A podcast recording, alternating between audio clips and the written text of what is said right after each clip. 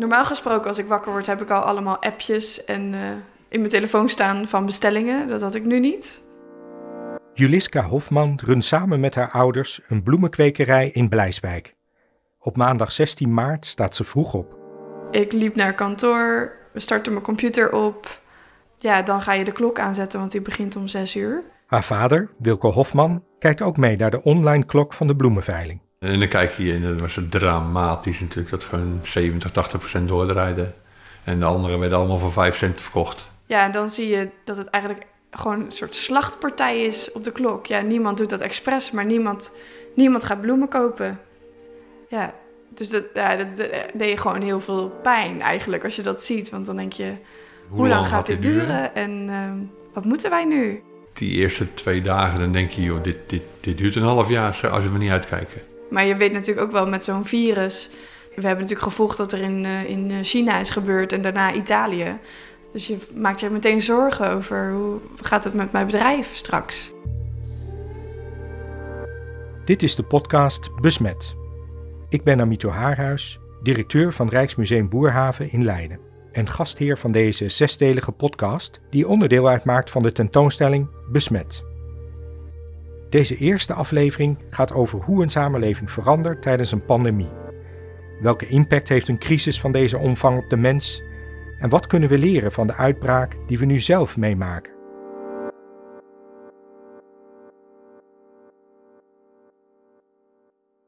Lotte Jensen is Neerlandica en filosoof. Ze is hoogleraar Nederlandse literatuur en cultuurgeschiedenis aan de Radboud Universiteit in Nijmegen. Ze vertelt dat ze erg geschrokken is van de coronacrisis. En ben ik net als alle mensen ook bezorgd om wat er gebeurt, om de gevolgen die dit gaat hebben. Uh, bezorgd om uh, naasten, hè, die al wat ouder zijn. Uh, is het ook eigenlijk voor het eerst in mijn leven dat mijn eigen vrijheid beknot wordt. Dus dat is ook een, een nieuwe ervaring. een beslist niet een plezierige ervaring. Um, dus ja, het, het raakt mij ook. Ze onderzoekt hoe mensen omgaan met rampen, nu en in het verleden. Ja, uh, nou ja, als wetenschapper ben ik dan heel uh, enthousiast, is bijna het verkeerde woord. Maar we zijn natuurlijk nu uh, de ramp aan het meemaken terwijl we dit ook onderzoeken. En dat maakt dat wetenschappelijke belangstelling en de persoonlijke beleving heel erg door elkaar gaan lopen. Omdat ik natuurlijk ook permanent als wetenschapper in de gaten hou wat gebeurt er precies. Dus dat is een vreemde paradox. En nu is het echt dagelijks onderwerp van gesprek met iedereen, de hele tijd. dus ja, nu beheerst het wel. Uh, zeker ook als je er ook nog eens onderzoek naar doet, dan is het dubbel uh, aanwezig. Damian Denies is filosoof en hoofd van de academische afdeling psychiatrie van het Amsterdam Medisch Centrum. Ik vind het wel een, uh, voor, voor mij uh, is het wel een soort van uh, hels ritme tot stilstand gebracht. Ik, ik, ik werkte hard en veel, ik gaf ook veel lezingen. En opeens, bats, is dat gedaan. al die lezingen werden afgezegd. ik kom dan wel in het ziekenhuis, maar beperkter omdat hier ook niks meer is. Dus ja, het is een soort van, ik vind het een soort van refreshment. Uh, een, een, manier uh, om na te denken over wat de, de waarden en normen zijn die je in je leven najaagt. Zijn dat wel de goede? Zijn wij goed bezig? Dus ik stel mij, zoals veel mensen nu vragen van, ja, naar reizen, moet dat wel? Is dat belangrijk? Um, mijn levensstijl, is hier wel adequaat? Is dat wel wat ik wil? Uh, dus die, die, fundamentele vragen, die, die komen nu meer op, omdat je wordt geconfronteerd met een heel andere stijl van moeten leven. En ik denk dat dat bij heel veel mensen leeft. Zie je ons? Mark van Dongen uit Breda wordt als een van de eerste Nederlanders persoonlijk geconfronteerd met corona. Ja. Via Skype maken we contact. Oké, okay, dat, dat, is prima. Mark is 51 jaar. Ja, ik ben Monique Marks, de partner van Mark. Ze hebben twee kinderen. Jasmijn is 12 jaar. Ja, ik ben ja. Een dochter. Een dochter. En de 15-jarige Lars. Uh, neemt u op, Lars? die liever niet geïnterviewd wordt. Ja, het schijnt er op te nemen, dus uh, daar moet ik de technicus maar even geloven. Hij ziet hem Mark werkt in het Amphia ziekenhuis in Breda op de afdeling medische technologie. Eind februari heeft hij hoge koorts. Hij slaapt slecht en heeft veel spierpijn. Toen heb ik s'nachts even thuis getemd en toen zat ik op uh, 38,6. De volgende ochtend is zijn temperatuur weer iets gedaald. en belt hij met zijn leidinggevende. Vannacht was het echt niet goed en uh, ja, ik heb ook amper geslapen, dus werken kan ik niet. Dus wat doen we nu?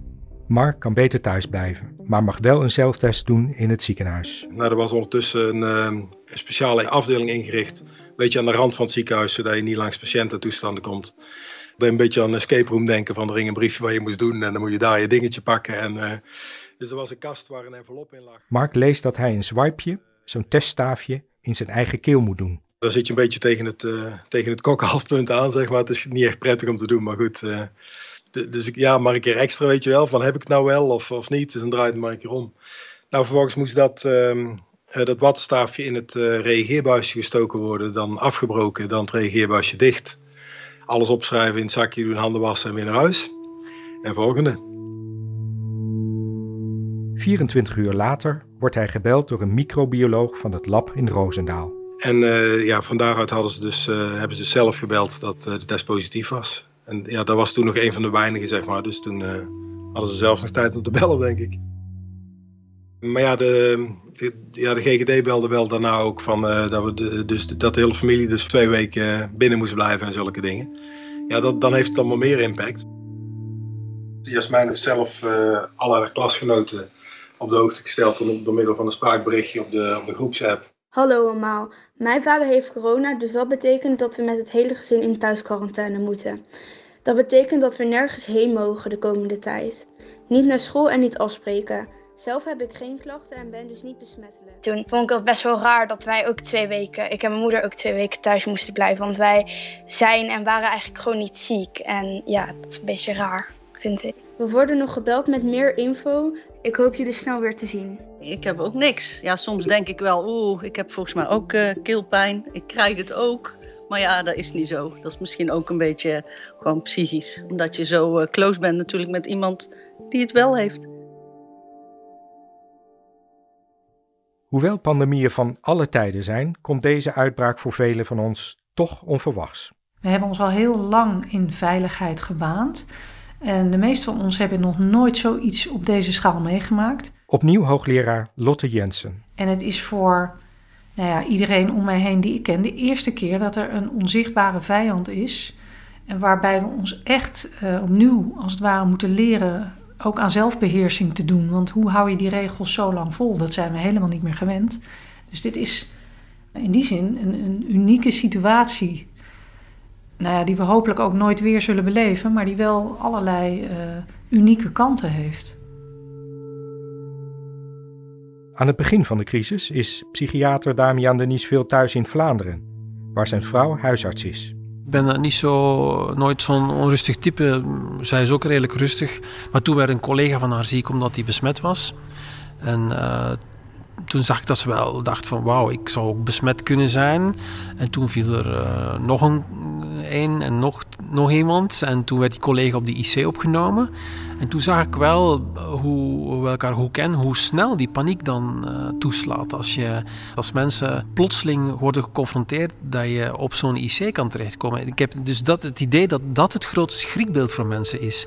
Op die IC terechtkomen, beademd worden en dan weten dat de helft van de mensen overlijdt. En als je eruit komt dat je cognitief gestoord kan zijn of nog maanden moet revalideren. Dat is, heb ik het gevoel, voor veel mensen de, het angstscenario.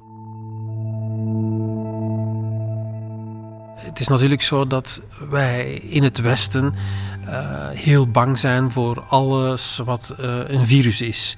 MERS is een voorbeeld. Toen zijn er twee Nederlanders ziek geworden van MERS. SARS. Meer dan 700 mensen in Azië zijn daar toen aan overleden. Ebola. Inmiddels slaat de Wereldgezondheidsorganisatie groot alarm over de terugkeer van ebola. Zika. De WHO noemt de situatie explosief en verwacht dat uiteindelijk 4 tot 5 miljoen mensen worden besmet. Wij zijn gefixeerd op virussen, juist omdat ze zo weinig controleerbaar zijn. Dus al datgene wat ontsnapt aan onze controle, daar hebben wij een obsessie mee. En die virussen die om de zoveel jaren komen, ja, dat zijn natuurlijk geschikte kandidaten om ons zo bang te laten maken.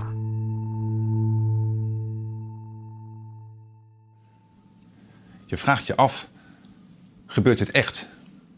Want de maatregelen die hier en elders worden getroffen, zijn ongekend voor landen in vredestijd. Het is zaterdag 21 maart. Een week na de ingrijpende maatregelen van de Nederlandse regering, die alle lagen van de bevolking raken. Iedereen heeft zo zijn eigen manier om met deze verandering om te gaan. Passief in de woonkamer afwachten is voor de familie Hofman, het tuindersgezin uit Blijswijk, geen optie. En dan kan je twee dagen een spelletje doen, maar wij zijn gewoon heel hard met z'n allen aan het werk. S ochtends eh, om uh, half zeven beginnen de eerste. En uh, gisteravond, hoe laat? Om half elf zijn we gestopt. En iedereen is dan moe en dan ga je slapen. En dan heb je ook geen tijd om, om ruzie of nou ja, wat dan ook te doen. In 1985 beginnen Martine en haar man Wilco een bloemenkwekerij. Ze kweken Santini's. Het familiebedrijf is met de jaren steeds groter geworden. Totaal hebben we ruim 4 hectare en dat is in de Santini's best wel, uh, wel grote oppervlakte. De kwekerij bestaat 35 jaar. Een gezond bedrijf dat wel tegen een stootje kan. Maar de impact van deze corona-uitbraak is groot, vertelt Juliska. Iedere dag is er eigenlijk al eentje te veel. Um, de afgelopen jaren hebben we gewoon goed gedraaid, dus we hebben een klein beetje reserve. Maar um, ja, als dit langer dan twee maanden duurt, dan uh, ja, ik weet het niet. Ik heb natuurlijk de financiën helemaal uh, in kaart gebracht, want uh, dat vraagt de bank nu ook van je. Uh, ja, dat ziet er niet goed uit. Zij vragen ook om een worst case scenario, noem je dat. Dus nee, economisch gezien is het echt, ja, killing. Gewoon, ja. Die onzekerheid, dat is gewoon het allerergste. Dat is nu gewoon het angstige. Want eigenlijk ga je met je bedrijfsvoering door. we zorgen dat de bloemen weer mooi zijn voor straks. En je loopt toch met een gevoel in de kwekerij van... ja, gaan deze nog bij mensen straks staan? En dat, normaal wist je dat en ja, dat is gewoon lastig. Ja. Ik denk dat, dat heel Nederland angst heeft. Beste kan je nu een klein kindje zijn, en, maar ook die voelen het. Onze kleinzoon die hier rondloopt, die voelt ook dat wij anders zijn dan anders. En terecht. hey, Kas, je bal is er weer.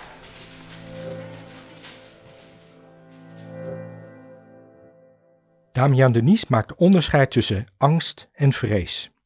We hebben vrees voor een slang, een enge spin of vrees voor hoogte. Maar angst is lastiger te definiëren. Ik denk dat op dit moment de meeste mensen angstig zijn, omdat de, de objectiviteit waar we ons op richten heel onhelder is. Hè. Dus het, het, gevoel dat overheerst is onzekerheid en niet in controle zijn. Je weet niet wanneer je geïnfecteerd kan worden, je weet niet wie dat zou kunnen doen, je weet niet hoe lang dit gaat duren, je weet niet wat de impact zal zijn op je werk, je weet niet wat er. Dus er zijn zoveel onzekerheden dat de dominante emotie angst is. Ma, heeft u nog wel boodschappen genoeg? Tijdens het boeketten maken wordt Martine gebeld door haar moeder. Oké, okay, top. Nou, van de week hebben we nog even contact. Doeg! Dank u wel. Dag. Ah, oma. Oma, die was bezorgd of het wel goed ging met ons. De zorgen van oma over de kwekerij zijn terecht. Onze familie is natuurlijk ook al erg bezorgd uh, hoe, uh, hoe wij verder moeten. Ik bedoel, we hebben ook nog een locatie in Schravenzanden. We hebben iets van 15 man personeel. En uh, die willen wel allemaal graag te geld. En, en daar staan ook weer gezinnen achter. En, uh, dus dat is best wel een zorg voor ons. De angst is begrijpelijk, zegt Damian Denies. Maar we schieten er niks mee op. We kunnen wel angstig zijn, maar het brengt niet veel bij. Angst is een gevoel waar sommige mensen van zeggen dat het interessant is, maar dat is het helemaal niet. Want meestal brengt het ons ja, op een verkeerd spoor of uh, verliezen we onszelf in allerlei scenario's, rampscenario's of verbeelding die er gewoon niet is. En mensen proberen zich dan proberen te anticiperen op wat gaat komen. En gaan allerlei scenario's bedenken om die angst op te vullen, om die controle te verwerven. En we gaan uit controleverlies handelen. Dus dat zie je nu. Hè. Je zou kunnen zeggen dat die hele lockdown is een uh, reactie uit angst, uit controleverlies. Wij moeten dit virus controleren. En dat is het primaire doel. En als dat niet gecontroleerd is, dan uh, zijn we nog altijd angst. Dan kunnen we eigenlijk niet leven. Terug naar de familie van Dongen in Breda, die als een van de eerste Nederlandse gezinnen thuis in quarantaine zit. Mark ligt ziek op bed met COVID-19.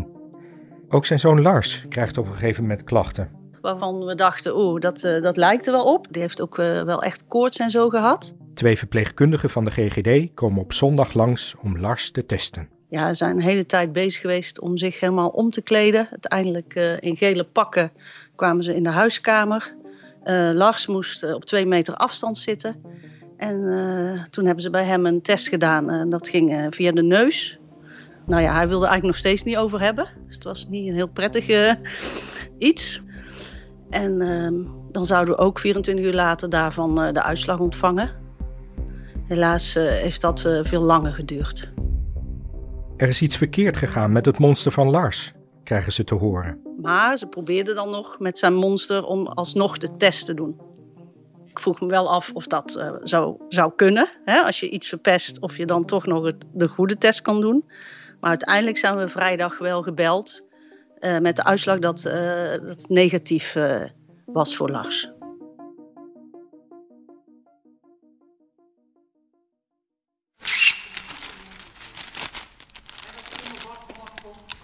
Ja, 100 boeketten. Merel Hofman is 21 jaar en een van de vijf kinderen van de bloemenkwekers Wilco en Martine. Merel heeft letterlijk en figuurlijk groene vingers. Ja, het is niet normaal hè. Ik krijg het haast niet af. Onder de douche staan, maar het zit gewoon helemaal in. maar ik heb het ervoor over hoor. Ze beheerst de kunst van het bloemschikken. Vond iedereen de boeketten leuk? Ja, super lief hoor. Op het moment dat de bloemenexport stilvalt, komt Merel met een plan. Dus uh, afgelopen maandagavond zei ik tegen mijn vader: Joh, weet je, we moeten toch iets gaan doen, want we kunnen niet stil blijven zitten. We gaan een bloemenstal neerzetten en kijken of dat gaat lopen. Dan gaan we daar toch mee in de gang. Dus gelijk dezelfde avond hebben we nog de hamer en spijkers gepakt om dat kraampje in elkaar te timmeren. Dinsdag hadden we zoiets, yes, er komt een klant. en nu denken we soms van, oh jee, hebben we wel genoeg staan? ja, we moeten nu gewoon mensen teleurstellen dat we het niet meer dit weekend kunnen afleveren. Dus dat is een groot succes. Je maakt gewoon het, het virus is er, maar uh, iedereen probeert elkaar te helpen. Dus dat is zo leuk. Maar hoeveel boeketten ze ook verkopen, ze weten dat het bedrijf er niet mee gered wordt. Het is echt een druppel op de gloeiende maar het helpt voor onze, ja, hoe zeg je dat, voor onze enthousiasme en inderdaad in ons hart helpt het ons om toch nog mensen blij uh, te zien worden van onze bloemen. Want we moeten ongeveer 90% van al onze producten moeten we vernietigen. En dat doet echt, dat doet echt zeer. Want je, je steekt al je energie en passie in die bloemen om de, de beste kwaliteit te krijgen. En dan nu gaat er gewoon een versnipperaar overheen. En dan ja, moet, je, ja, moet je dat zo aanzien. En ja, we krijgen er natuurlijk geen geld meer voor. En uh, het is echt vreselijk. We hebben vijf kinderen en iedereen uh, is daar zo mee bezig. Twee wonen niet meer thuis, maar uh, ja, dat, dat vind ik het allermooiste. Dat we als gezin zo sterk zijn, dan kan je heel veel aan. Nou, veel plezier ja, mee. Goed, dat kan niks alleen maar. Hey, succes. Doei doei.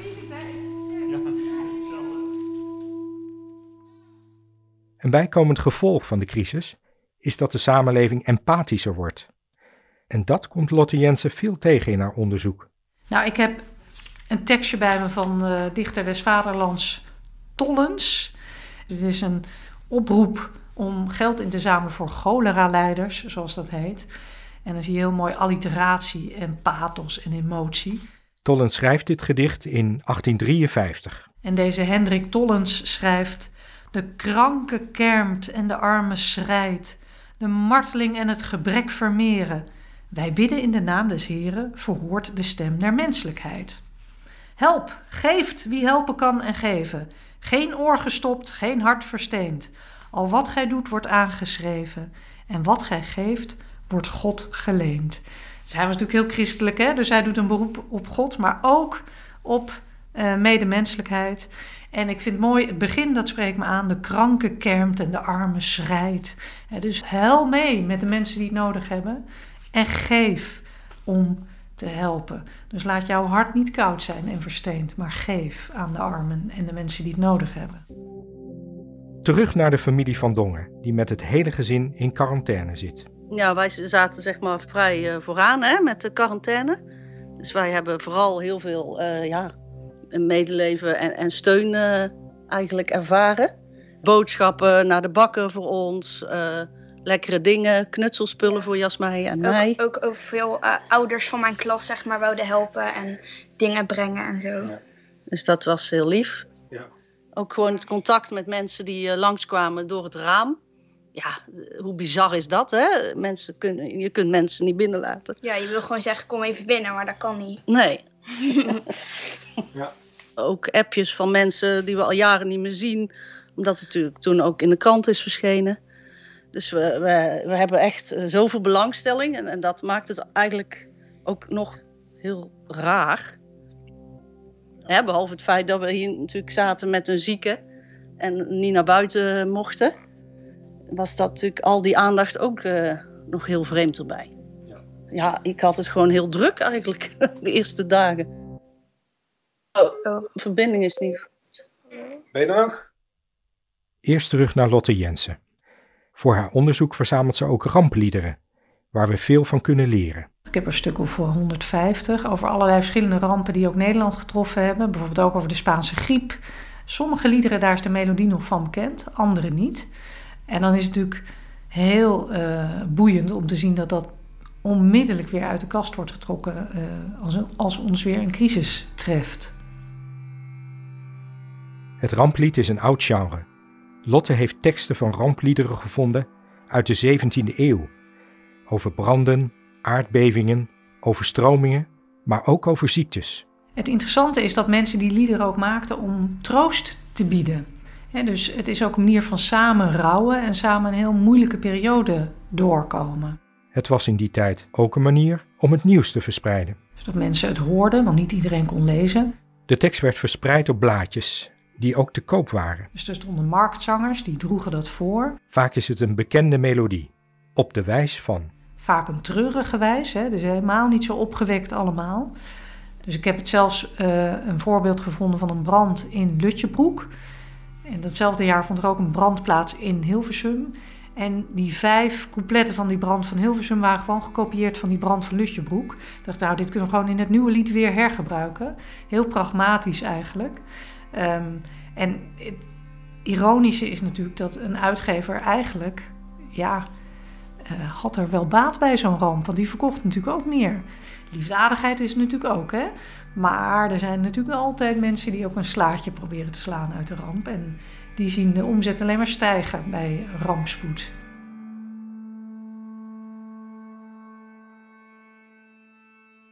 Maar er was in het verleden ook kritiek op deze dubieuze vorm van liefdadigheid. Een van die criticasters was de schrijver Multatuli. Hij probeerde eigenlijk de hypocrisie van mensen um, ja, bloot te leggen. En hij heeft wel een punt, want ik heb die 19e eeuw goed bestudeerd. En na iedere ramp ja, regende het gedichten van ook echt zeer belabberde schrijvers... die ook probeerden even zichzelf op de kaart te zetten... waar het uh, ene na het andere kreupele rijm uit hun pen vloeide... Uh, slechte benefietliederen en dat soort zaken. En waarbij terecht ook wel werd gezegd... nou, deze cultuur, hè, deze liefdadigheidscultuur is zo onoprecht Iedereen doet maar mee om mee te moeten doen, maar niet uit echte, oprechte motieven. Vandaag draag ik het hart van iedereen dalen over bergen heen. Tijdens deze crisis is er ook kritiek op nieuwe initiatieven. Hoe goed bedoeld ze ook zijn, maar dat mensen ook haar fijn weten aan te wijzen als er iets uh, onoprechts aankleeft. Of als mensen aanvoelen, ja, maar doet deze persoon dat niet vooral ook voor zichzelf? Eigenlijk is het initiatief geslaagd. Want niks brengt een land zo samen als met z'n allen iets heel erg kut vinden. En dat is wat ze hebben gepresteerd. Dat je haat verbroedert. en ik, ik neem die mensen ook niks kwalijk. Want dat, moet je, ik heb ook... dat coronalied deed beroep op saamhorigheid. Uh, en uh, de zon moest weer schijnen. Hè. Dat de zon weer schijnen mag, was geloof ik de tekst.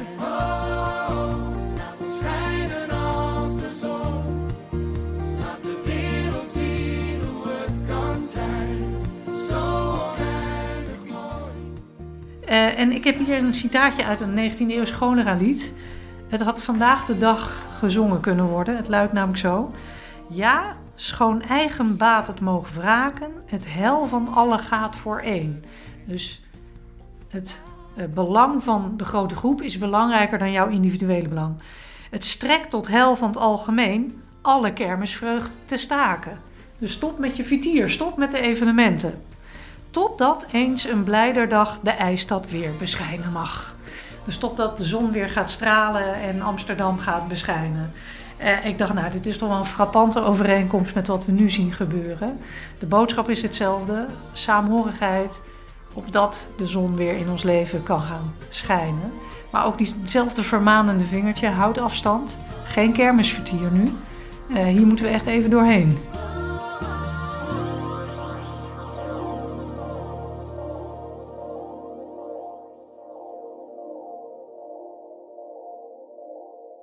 In Nederland hebben we al eerder ontwrichtende epidemieën gehad. Naast de uitbraak van de Spaanse griep in 1918 zijn er in de 19e eeuw ook drie grote uitbraken geweest van cholera. 1830, in de jaren 1860 en later nog in de jaren 1880. En dat zijn ook heel bedreigende um, epidemieën geweest, waarbij de samenleving stil kwam te liggen. En ik heb wat teksten bestudeerd uit 1848 rondom Amsterdam waar je uh, ook echt een apotheker ziet discussiëren met een uh, caféhouder. En de caféhouder wil dat de kermis doorgaat, want er moet natuurlijk omzet zijn en er moet bier getapt worden en we kunnen de kermis niet zomaar aflassen. Terwijl uh, de apotheker zegt: nee, denk nou eerst aan de gezondheid van de mensen. We kunnen dit echt niet laten doorgaan nu. En uiteindelijk wint de apotheker dit gesprek. En moet die caféhouder ook zeggen: nou ja, oké, gezondheid boven alles. Maar ik vond het zo eigenlijk lijken op de huidige situatie, waarin je ook in allerlei uh, duivelse dilemma's uh, terecht raakt. Over de vraag: ja, um, wat is de economische schade? En hoe weegt dat op tegen de maatregelen die we moeten nemen om, om de gezondheid boven te stellen? De vraag of een versoepeling mogelijk is van de intelligente lockdown van ons land. En ik zeg het nog ronduit. We staan daarbij voor duivelse dilemma's. En daar heb ik ook zelf de afgelopen dagen enorm mee geworsteld. Opnieuw filosoof en psychiater Damian Denis. Ja, je zou kunnen zeggen, kijk, wij zijn zo angstig. Uh, niet omdat dat virus zo angstwekkend is, want sommige mensen hebben heel lichte klachten. Sommige mensen wel ernstiger en andere mensen moeten naar het ziekenhuis. Een klein aantal, een aantal mensen op die IC en een klein aantal overlijden. Dus dat is, het is zeker wel een ernstige ziekte. Maar ja, goed, er zijn zoveel ziekten in de wereld. Dus je zou ook kunnen zeggen, ja, waarom moeten we daar nu zo angstig of controlerend mee omgaan? Waarom laat je het niet een beetje over je komen? En dan nemen we wel voor lief dat mensen sterven, dat ze doodgaan. Um, maar blijkbaar kan dat niet meer in onze samenleving. Wij willen dat per se controleren. En we willen ook eigenlijk geen enkel leven verliezen. Dus we, al, alle levens moeten gered worden. Ook al moeten we daarvoor de hele maatschappij op slot zetten. En lopen het risico dat een volgende generatie miljarden zal moeten betalen. Dus de, de drang, het behoefte, de nood aan controle is zo groot dat we bereid zijn om alles vast te zetten. Zonder dat we de volle consequenties begrijpen van wat die maatregelen op lange termijn zullen betekenen. Kijk, je zou kunnen vanuit virologisch medisch standpunt zeggen, optimaal gezien moeten we dit nog een jaar of anderhalf jaar volhouden om die zogenaamde R onder de 1 te houden, die reproductie, dat getal. Uh, maar dat, menselijk gezien kan dat niet. Ik denk zelfs, ja, ik vraag me zelfs of zes maanden al haalbaar is. Mensen willen, willen contacten. Uh, ja, ik heb mijn moeder ook al. Mijn moeder is alleenstaand, die woont in België. Daar is men heel strikt, die heeft al vijf weken niemand gezien. Ja, dat, dan kan je zeggen, ja, dat kan misschien wel 10 weken of zo, maar 25 weken of 52 weken, dat, dat is wel heel, heel, heel lang eigenlijk voor mensen. Kan dat eigenlijk? Moeten we die menselijkheid niet wat meer meenemen in, in, in de manier hoe wij dit virus willen indammen? Dat is ook voor mij een heel belangrijke vraag. Er worden vragen gesteld over uh, de deskundige, de betrouwbaarheid, wat is de wetenschappelijkheid daarvan.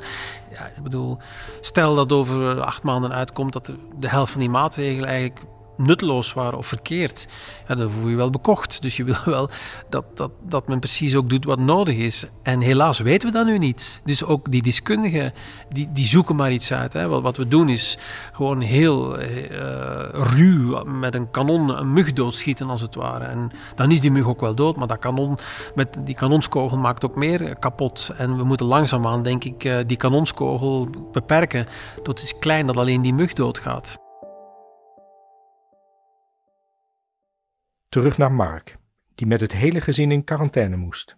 Ja, ik heb dus gedurende de, de eerste week ook, ook heel veel geslapen. En, uh, en uh, ja, ik, dat, ik had het echt nodig. Het gaat nu pas eigenlijk de eerste dag dat ik, dat ik weer een paar, paar klusjes in huis opgepikt heb om eens te kijken hoe is het met de conditie. Dus ik ben best in goede conditie. Ik fiets heel veel. heeft toch wel echt impact op mijn lichaam gehad. Dat kun je wel merken, zeg maar ik heb vandaag een beetje gestofzuigd. Ik denk, dat haakt er altijd wel in. Dus, uh, en, en, en dan kon ik ook aan, aan mijn adem wel horen. Ik bedoel, ik kon, ik kon het goed aan. Maar uh, dan denk je wel, ja, dit, dit is niet helemaal normaal, zeg maar. Dus we zijn er nog niet. Nu is de drukte wat afgenomen. Mark is gelukkig hersteld. En nu begint het wel echt saai te worden, vind ik. We kunnen niet echt ergens heen of zo. En, en ook gewoon het verlangen om gewoon even naar buiten te gaan. Dat, dat wordt wel groter ja, gewoon even naar de speeltuin of zo. Zoiets lijkt wel fijn. Of gewoon fietsen. Ja.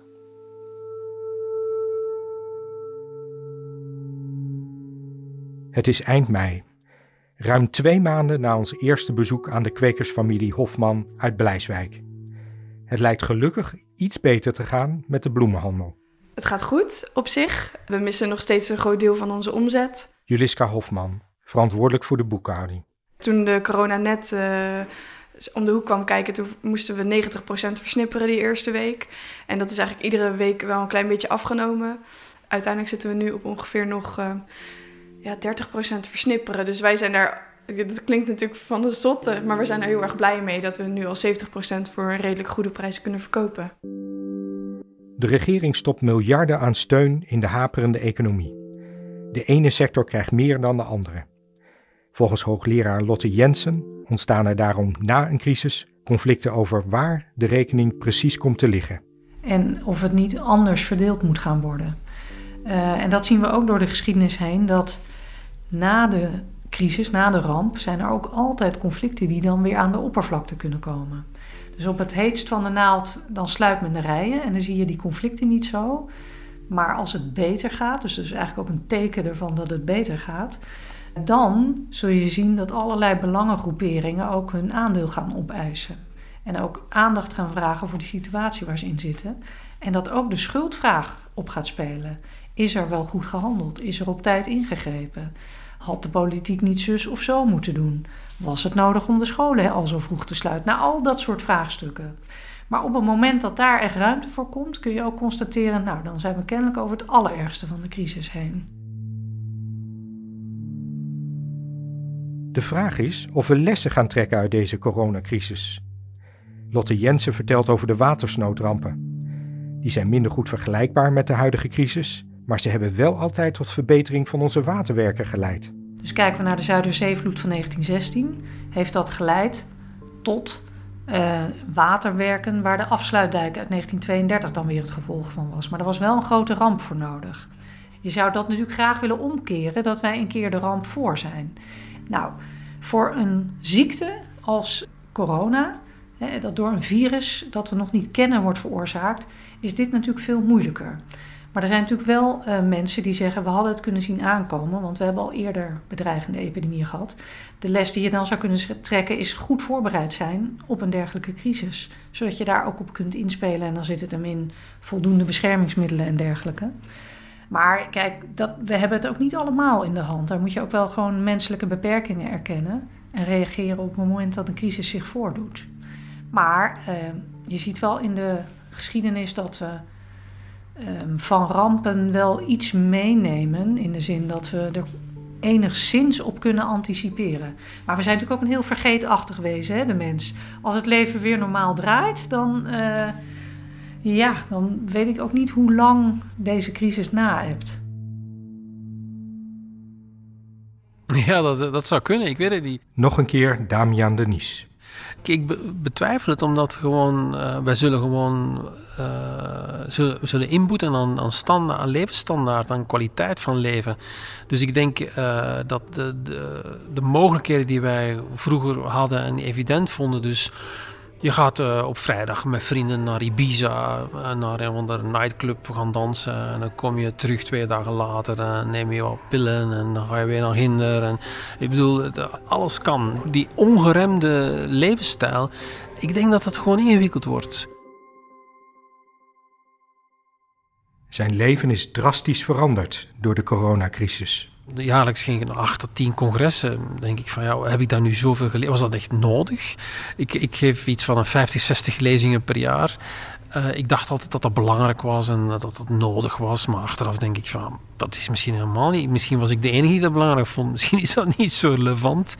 Uh, dus een ander tempo van leven vind ik belangrijk. Trager. Ik heb meer contact met mijn vrouw. Wij gaan elke dag wandelen. Uh, er wordt meer gekookt. Dus ik denk dat dat veel mensen herkenbaar is dat je gewoon samenleeft, rustiger leeft, minder dingen doet, minder geld uitgeeft en op een andere manier naar de wereld kijkt. En ja, dat vind ik uh, op zich wel positieve punten. Denis gaat zelfs een stap verder. Hij twijfelt sterk aan de oude wereld, waar velen van ons zo graag naar terug verlangen. Naar mijn gevoel was, die eigenlijk, was dat niet de correcte wereld. Ik vond dat een heel abnormale wereld.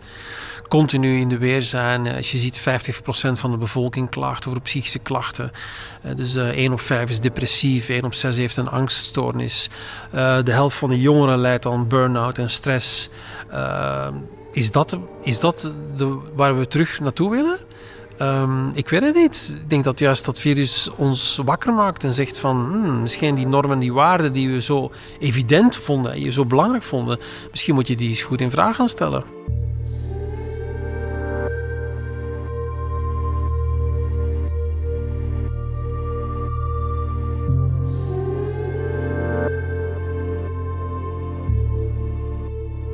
Dit was aflevering 1 van de podcast Besmet.